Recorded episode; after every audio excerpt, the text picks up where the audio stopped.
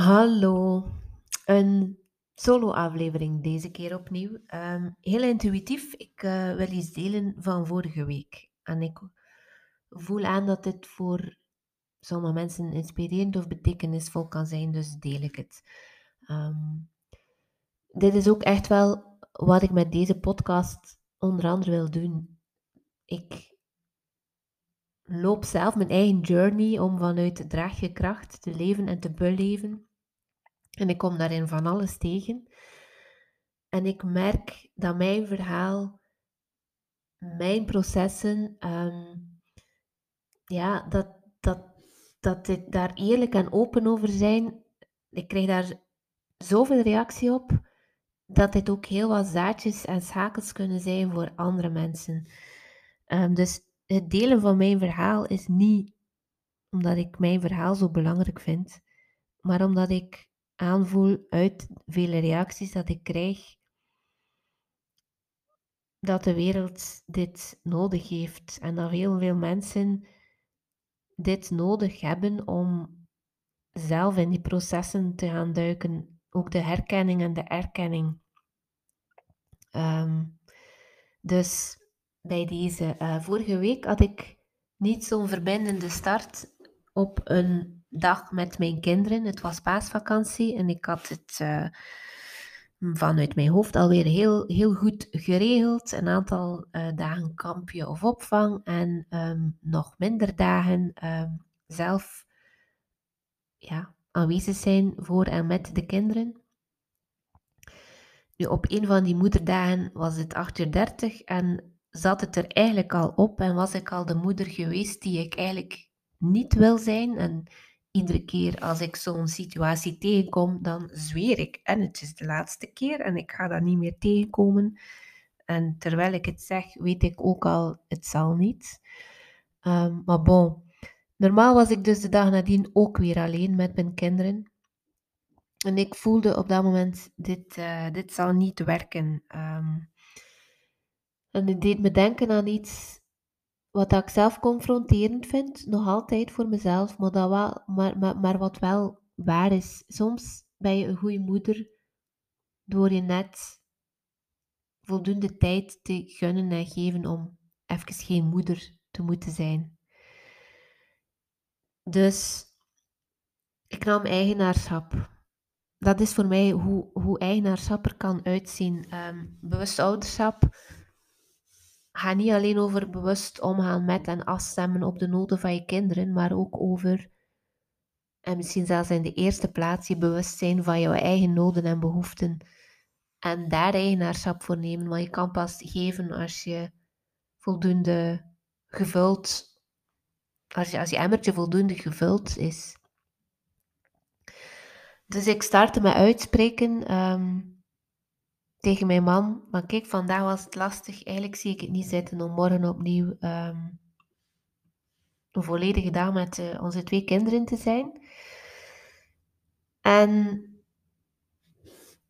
ik, uh, ik merkte bij mezelf een aantal obstakels op voordat ik dit deed. Um, en een valkuil is dat we verwachten dat de ander weet wat er in ons leeft of wat dat we nodig hebben, maar dat we het niet uitspreken. En dan geraken we gefrustreerd omdat de ander het niet aanvoelt. Um, verwacht niet dat de ander weet wat jij denkt of voelt, maar niet uitspreekt. is een, een, quote van, ik weet niet wie, maar eentje die ik wel regelmatig als kindly reminder voor mezelf uitspreek en ook wel meegeef aan de vrouwen die dat ik ondersteun. We, we, we, we gaan ervan uit soms dat de ander, en de ander kan je partner zijn, maar ook iemand anders in je omgeving, op je werk, dat je wel weet dat je bijvoorbeeld ondersteuning nodig hebt, of dat je iets niet zal afkrijgen, of dat het te veel voor je wordt, maar toch ga je maar door. Maar hoe kan de ander dat in godsnaam weten als jij niks zegt, of het niet toont, of het niet uitspreekt? Dit was een eerste obstakel voor mij. Vroeger deed ik dat niet. En raakte ik gefrustreerd, want hij zag het niet en hij, hij hij, deed te weinig. En hij, maar nu spreek ik uit, waardoor dat hij op zijn minst iets kan doen, want hij weet dat er een nood is bij mij. En een tweede obstakel is ego. dat stemmetje in mijn hoofd dat zegt: Wat voor moeder ben jij als je niet twee dagen op een verbindende manier moeder kan zijn? Dat moet je toch wel kunnen. Ehm, wat voor moeder ben je als je eigenlijk in periodes niet graag moeder bent en meer nood hebt aan tijd voor jezelf? Dat is uh, eentje, ja, die blijft. Die gaat niet weg. Maar ik heb ondertussen wel al geleerd om daar niet naartoe te luisteren en om te beseffen en om oké te zijn met, oké, ik ben iemand die, om die mama te kunnen zijn die dat ik eigenlijk wil zijn, die gewoon ja, heel veel tijd voor mezelf nodig heeft. En in plaats van vanuit het ego te moeten kunnen, wat misschien de maatschappij nog steeds verwacht, of wat dat doorheen de jaren zo gegroeid is, geef ik mezelf gewoon echt de ruimte om dat niet te moeten. dus aan jou die dit misschien herkent, I feel you. Ik, ik, ik voel wat, wat dat het met een, een moeder doet om te beseffen en de confrontatie aan te gaan. Maar eigenlijk ben ik niet altijd graag moeder. en eigenlijk wil ik veel liever andere dingen dan met mijn kinderen zijn. En om daar ook dan naartoe te handelen. En een ander obstakel die ik in dit soort dingen tegenkom is. Ehm, durf ik ruimte laten voor de strategie van de ander? durf ik ruimte laten om een ander te laten bijdragen aan wat ik nodig heb, ook al is het niet op mijn lievelingsmanier. Toen ik, nadat ik gedeeld had met mijn man, stelde die, stelde die voor, oké, de jongste kan naar mijn moeder, dus naar mijn schoonmoeder, um, naar oma. En aan de oudste ga ik vragen of dat hij mee wil op repetitie. Um, hij had een concert voor de boeg, dus die had repetitie de dag nadien, een volledige ochtend. Ik ga vragen aan uh, Abel of dat hij mee wil. En als hij mee wil, kan hij mee. En als hij niet mee wil, kan hij ook naar oma. En mijn eerste reactie daarop was: Ja, maar wat heeft Abel daar nu aan? En dat zal veel te lang duren. En hij zal ambetant worden. En ik kan jou daar toch niet mee opzadelen. Uh, en het zal dan voor jou ook niet meer leuk zijn. En jij zal niet voldoende op de repetitie kunnen aanwezig zijn. Want jij zal uh, bezig moeten zijn met je zoon. En wat dat ik en misschien jij ook nog meer mag leren en verder in mag groeien, is dat wij niet moeten bepalen hoe iemand ander iets draagt. Maar dat we net de ander zijn waardigheid kunnen laten door hen daarin vertrouwen te geven. Als mijn man voorstelt om mijn oudste mee te doen naar de repetitie, dan heb ik niet uit te maken uh, of, of, of hoe, hoe dat er dan zal aan toegaan. En als mijn man die beslissing neemt, dan heeft hij ook de gevolgen daarvan mee te nemen en zo gezegd te dragen. Dus niet via, niet invullen voor de ander. Niet invullen wat voor de ander wel of niet kan. Niet invullen wat voor de ander wel of niet mogelijk is. Ehm, maar ruimte laten om verschillende strategieën af te wegen tegenover je lievelingsstrategie. En ook oké te zijn met hoe de ander iets doet, ook al is het niet de manier waarop dat jij het zou doen. En voor mezelf heb ik dan wel in dit soort situaties wel een aantal randfactoren die dat ervoor zorgen dat ik er gerust in kan gaan staan. Bijvoorbeeld als ik weet dat die repetitie tot, zeker tot de middag duurde, is iets waar mijn man misschien niet zou aan denken. Oké, eten voorzien en dan, dan zorg ik wel, oké, die brooddoos gaat mee. En dat zorgt ervoor dat ik meer op mijn gemak ben. Um, dus als, ja, ik, uh, mijn gedachten schoten even ergens anders naartoe. Maar dus als het moeilijk is om hulp te aanvaarden of om te vragen aan je partner, nog een obstakel hierin of nog een valkuil, um, is het handig om jezelf bewust te zijn in welke relatie zit je dan op dat moment? Zit je dan in een gelijkwaardige partnerrelatie? Of zit jij in een kindstuk? Mogelijk in een overlevend kindstuk. En staat achter je partner energetisch je moederstuk. En welke dynamiek is er op dit moment actief? De dynamiek van volwaardig en gelijkwaardig partner zijn als twee volwassen personen, of de, dynamiek van een kindstuk tegenover een ouderstuk. Ik weet niet of dat het helder is wat ik hiermee bedoel. Um, misschien is het, wordt het helderder als ik dat, dat, dat, dat beter uitleg. Ik, ik heb mezelf nooit kunnen laten dragen door mijn ouders.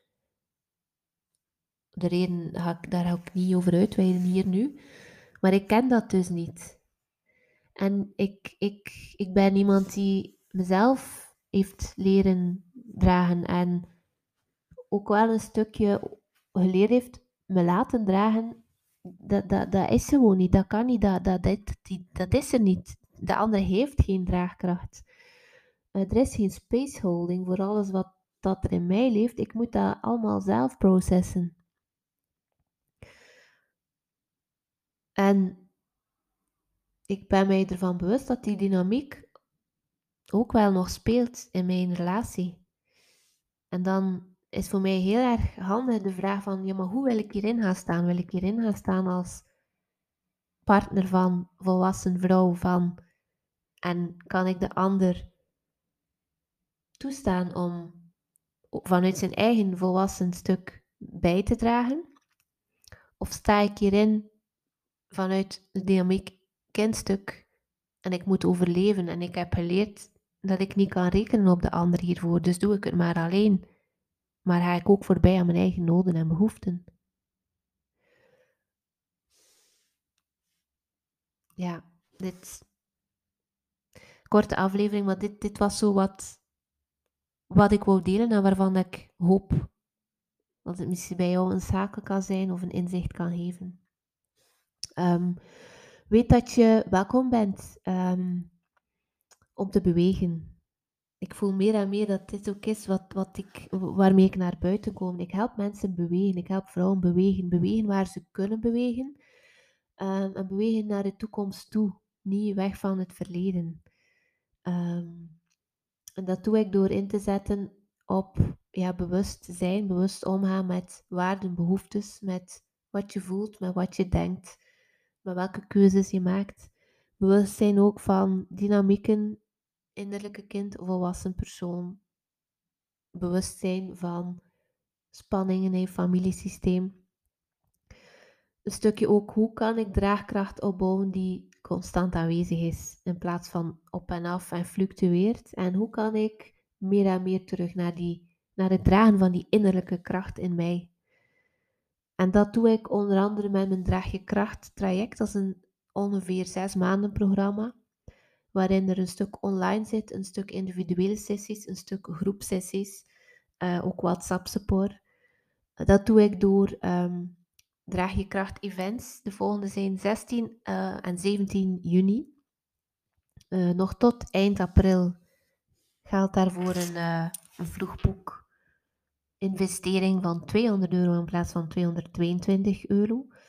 Voor de zaterdag, voor 17 juni, worden de plaatsen beperkt. Voor de vrijdag zijn er nog wel um, voldoende plaatsen. En met voldoende bedoel ik maximum 6. En daarvan zijn er twee ingenomen. Voor de zaterdag zijn er al drie van de zes ingenomen. Um, en een van de modules uit mijn, in de, uit mijn online leeromgeving is, die, is de innerlijke kindmodule. En die heb ik afgelopen uh, paasvakantie, op de dagen dat ik geen moeder was, had ik die zo als afspraken vrijgelaten om te creëren. Dus ik heb een nieuwe content gecreëerd, al mijn nieuwe inzichten, nieuwe visualisaties, um, nieuwe, ja, nieuwe video's opgenomen. Normaal bied ik die niet apart aan, maar tot eind april kun je die ook apart los aankopen, zonder dat je daarvoor hoeft in te stappen in mijn Draag je Kracht traject. Voor de investering van 222 euro. Um, ja, dat is de module die heel veel verschil maakt voor heel veel vrouwen die mijn traject volgen. En uh, heel veel beweging brengt ook, heel veel inzichten in het zichzelf begrijpen en dus ook stappen kunnen zetten, kunnen bewegen. Dus moest je daar iets voor voelen, heel erg welkom. Mail me, check mijn website. Ehm, ja, ik maak graag ruimte. Dankjewel voor het luisteren en graag tot een volgende aflevering.